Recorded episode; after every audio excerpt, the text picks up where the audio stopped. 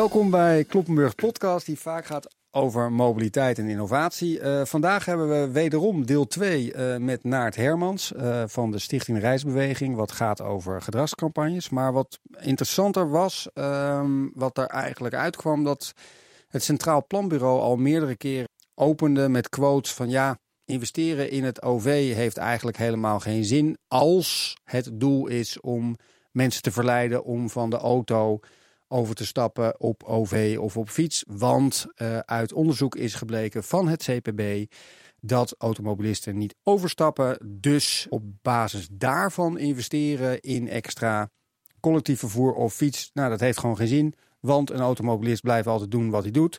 Dus we moeten hier vooral niet mee verder gaan. Dat is natuurlijk een best wel heftige uh, conclusie die het CPB eigenlijk al jarenlang uh, trekt. Uh, de, wat ze, waar ze het op nuanceren is dat ze natuurlijk zeggen... uitbreiding van het collectief vervoer uh, kan wel op basis van autonome groei. Daarvoor is het allemaal wel nuttig om dat te doen, want de hele mobiliteit groeit. Dus je moet ook wat doen aan fietsen en OV. Maar de cruciale punt van ja, maar uh, er mensen die stappen niet van auto over... En zeker op landelijk niveau zegt het CPB dat. En daarvan zei jij eigenlijk naar het Hermans, directeur van de reisbeweging. Nou, daar wil ik het toch wel eens nog een keertje over hebben. Want dat onderzoek is van jaren her. En uh, daar wil ik graag nog een keer met je over spreken. Welkom, Naart. Ja, welkom. Uh, wat heb ik nu allemaal verkeerd gezegd in deze introductie? Of viel het wel mee? Nou, eigenlijk niks. Alleen dat, het, dat de conclusies zelf van het CPB natuurlijk... Um, ja, wij zien wat anders. Wij, uh, Waar staat het dan concreet van het CPB? Uh, nou, ze hebben uh, het laatste publicatie is geloof ik kansrijk mobiliteitsbeleid. En daar zijn meerdere studies bij elkaar gevoegd ja. om te kijken van waar moet je nou van naartoe. welk jaar is dat? Ja, rond 2010, 2011. Nou, ik heb het hier voor me staan 2008 ook eentje, twee zelfs. Dus een best een tijd geleden. En daar zeggen ze, nou, we zien geen verandering van automobilisten naar het OV.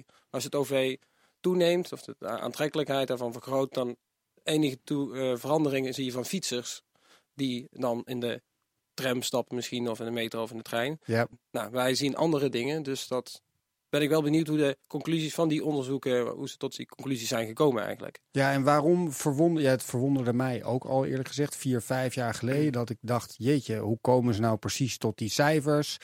Uh, maar het is wel een vrij heftige conclusie die ze trekken. Zeker op landelijk niveau. Omdat het natuurlijk altijd uitkomt van ja, maar dan heeft het dus eigenlijk helemaal geen zin om iets te doen. Dat, is, dat is toch qua probleemanalyse is best wel drastisch. Ja, ja, maar ja, wat ik al zei, wij zien iets anders. Wij zien dat mensen wel de auto uh, laten staan en het OV ingaan. Als je ze, en wij, met onze gedragscampagnes, wij veranderen niks aan het aanbod. Dus de trein die blijft hetzelfde rijden, er komen niet meer bussen bij, maar spreken de mensen aan, proberen ze te verleiden om andere keuzes te maken. En dan zie je wel die overstap. En wat ik denk in, bij het CPB-rapport, dat ze vooral hebben gekeken naar, naar als we het aanbod nou veranderen, gaan de mensen dan automatisch iets anders doen. Ja, daar, misschien zijn de effecten daarvan dat mensen dan niet veranderen van de auto naar het OV. Omdat ze helemaal of niet naar weten. of naar ja. weet ik veel wat. Maar omdat ze misschien helemaal niet weten dat de, die trein extra rijdt. Je zit gewoon op je snelweg en uh, ja, die trein rijdt voorbij. Maar als je die trein vaker laat rijden of de wifi wordt beter, ja, je moet toch een keer dat hebben meegemaakt voordat je die stap maakt. Dus als je het alleen verbetert en de mensen daar niet in meeneemt, dan... Ja, want jouw, jullie ervaring, zeg maar, daarom is misschien ook deel 2, is dat even voor de mensen die deel 1 niet hebben geluisterd, dat jullie een gedragscampagne hebben gedaan voor nu circa 8000 mensen, ja. die eigenlijk redelijk stelselmatig met de auto's dagdagelijks en die wel degelijk veranderen van gedrag en zelfs ook nog op structurele basis, want dat is natuurlijk waar het uiteindelijk om gaat. Ja, en dat structureel zonder dus aanpassing van de het aanbod. Ah, van het aanbod. En tijdens het lokaalheid zie je vooral de grootste verandering. Dan gaan er echt heel veel mensen meer in de trein. Die ontdekken ook dat het veranderd is, dat die overchipkaart, sommigen moeten zelfs nog eerst een overchipkaart krijgen. Ja. Dus ook dat is een probleem als je in de auto zit en die trein gaat vaker rijden. Maar je hebt nooit die OV-chipkaart nou ja, gekregen of die aangeschaft. Waarom zou je dan overstappen? Ja, wij proberen dat in ieder geval allemaal makkelijker te maken. Dat mensen het voordeel ervaren van die trein. Dat die niet meer zo stinkt. Maar heb jij, zeg maar, want jij zit denk ik misschien nog wel beter in onderzoeken dan, dan ik, dat weet ik niet zeker. Maar, maar dat, je, dat je ook ziet dat die cijfers van het CPB zo'n beeld geven over het landelijke segment van de mens stapt niet over van auto naar fiets of minder of OV. De traditionele vorm van OV uh, overigens nog. Dat is ook nog wel belangrijk om erbij te zeggen. Ja. Maar het, ik heb het idee dat het ook in randstedelijk gebied... dat die verandering misschien toch wel al veel groter is... dan misschien wel eigenlijk uit, uit al die oude onderzoeken blijkt. Ja, nou wij zien in ieder geval dat we in de binnenst ja, van de Randstad... daar zie je een hele andere gedragsverandering dan in Groningen bijvoorbeeld. In Groningen hebben we vrij veel deelnemers ook meegedaan... En daar zie je vooral de fiets en de e-bike. Nou, dat is, daar heb je lange wegen waar je gewoon op kunt knallen. En waar je vroeger met windkracht 6 over de dijk tegen, dat, je, dat, niet, niet meer, dat je dat niet meer wilde. En dat, daar zie je die e-bike enorm komen. Ja, precies. Ook om naar de kleine stations te gaan en vanuit daar het OV te nemen. En ja, een, een speed pedelec in Amsterdam, ja, dat zou ik ook niet direct aanraden. En daar zie je dus ook een hele andere verandering. Dus we hebben bijvoorbeeld een campagne voor uh, Noord-Zuidlijn. Waar we mensen in Purmerend en in uh, Volendam vragen probeer een e-bike, die bieden we dan aan. Ga met de e-bike naar Station Noord en pak dan de Noord-Zuidlijn in plaats van de auto over de A10. En er gaan nu 14 mensen meedoen om die combinatie juist te maken van een e-bike en het OV. In plaats van alleen maar het OV aan te bieden en die eerste kilometers maar aan de mensen over te laten en ze in een bus te stoppen. Maar ja, wat ik zo gevaarlijk vind, want dan staat er weer zo'n grote kop van het Centraal Planbureau. En dat gebeurt natuurlijk vooral bij de, vlak voor de verkiezingen. is standaard, weet je wel. Dan gaan de politieke partijen, worden de programma's uh, allemaal doorgerekend.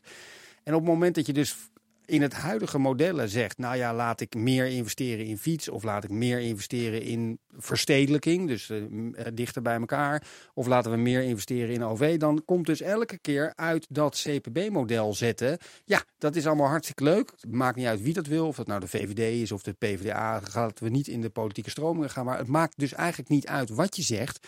Er komt uit deze CPB-berekening op basis van dit altijd zetten, ja, heeft geen zin, want mensen stappen niet over. Dus uw investering is luchtfietserij, werkt niet, heeft geen zin, doet vooral niet.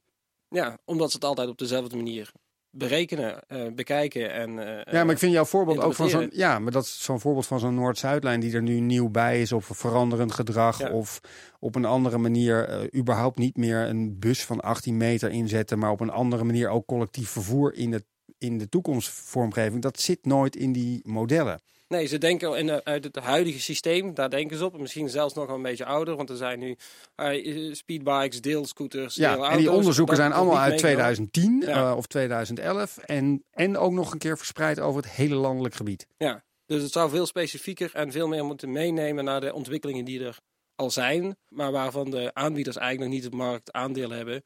En dan denkt CPB, nou ja, dan laten we dat ook zitten. Maar, nu denkt iedereen dat we dat hele CPB de grond ingeboord hebben. Ik zal niet over de NMCA, dat is de Nationale Meerjaren Capaciteitsanalyse. Daar heb ik wel eens eerder maar even het Centraal Planbureau van...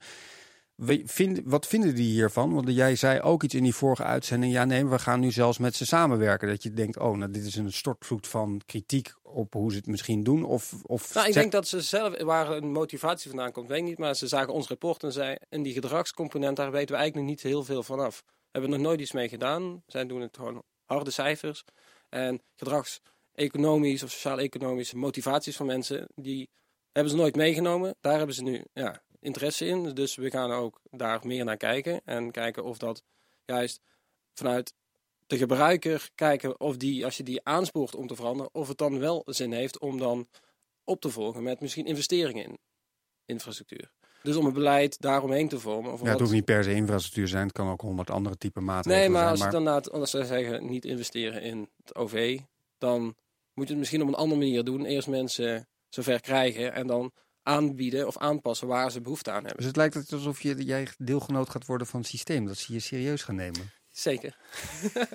en wanneer gaan jullie het onderzoek dan doen met het CPB samen? In juni 2019. En dus... wanneer hopen jullie dan de resultaten daarvan te kunnen presenteren? Dan zijn we de ziekte pas een jaar later. Ja, ja, zeker. Uiteindelijk is het ook het idee om dit voor het nieuwe kabinet, dus nou, wat is het? Ja, dat weet je nooit nee, hoe lang nee. zit. uh, maar om dan te kijken, inderdaad, kun je dit een beleidsinstrument uh, inzetten? En kun je, daar, wat kun je daarvan verwachten qua afnemen van uh, file of congestie, in welke gebieden, welke doelgroepen en ook CO2-reductie. Ja, het is wel echt interessant dat je dus dat je. Ik, ik, ik merkte het al in die eerste uitzending die we hadden, maar dat ik opeens aan het einde dacht van hé, hey, dat Centraal Planbureau, en als dat zo wezenlijk is dat dat nu zo vastgebeiteld erin zit. En jullie komen eigenlijk als relatieve hele kleine stichting, de reisbeweging, met hier met 8000 unieke gevallen en daar op basis van wordt echt naar het systeem en het stelsel gekeken, is dat toch behoorlijk vernieuwend. Ja, ja, het mooie is dat het nu eindelijk aanslaat. En ook inderdaad door die effectmeting die we altijd hebben gedaan, je kunt daar nu ook op sturen en als beleid gaan inzetten. Dus dat maakt je ook wel weer toch een klein beetje trots. Zeker, ja, ja, dat is heel leuk. Maar ja, ja je, je glimlacht erbij, want het lijkt een beetje suffig. Maar het is natuurlijk echt heel, heel wezenlijk. Dit gaat echt over mega-investeringen. Dus we doen net of dit een beetje een grapje is. Maar dit is... Nou, ik denk dat het juist slim is. Want een, het is zo fundamenteel. Ja. als natuurlijk jarenlang bijna stelselmatig gezegd wordt... het heeft geen zin om een additionele investering te doen in... want uit onze modellen blijkt dat mensen niet bereid zijn om over te stappen dat is wel echt vrij fundamenteel. Ja, en ik denk ook in de gedragscampagne is relatief goedkoop. Je had er gewoon zoveel informatie mee naar boven. Ja, dat vind ik, klopt. En dat je daarna je beleid en wat dan ook maar, maar zijn, veel slimmer kan insteken. Ja, ja, snap ik. Je, je eigenlijk alle componenten. Je, kan, je kijkt niet alleen naar... Er komt zoveel uit voor de aanbodkant, voor de beleidskant, voor de stelsel, voor heel veel verschillende. Dat had je waarschijnlijk ook nooit verwacht toen jij hier aan begon. Nee, nee. Dat... Uh is, ja, we zijn gewoon begonnen omdat we het leuk vonden om met mensen gewoon aan de slag te gaan. En ik denk dat daar gewoon heel belangrijke lessen uit kunt halen. Want je kunt hele slimme modellen bouwen, maar die zijn dan toch een interpretatie van de werkelijkheid. En waar wij onze informatie van halen is de werkelijkheid.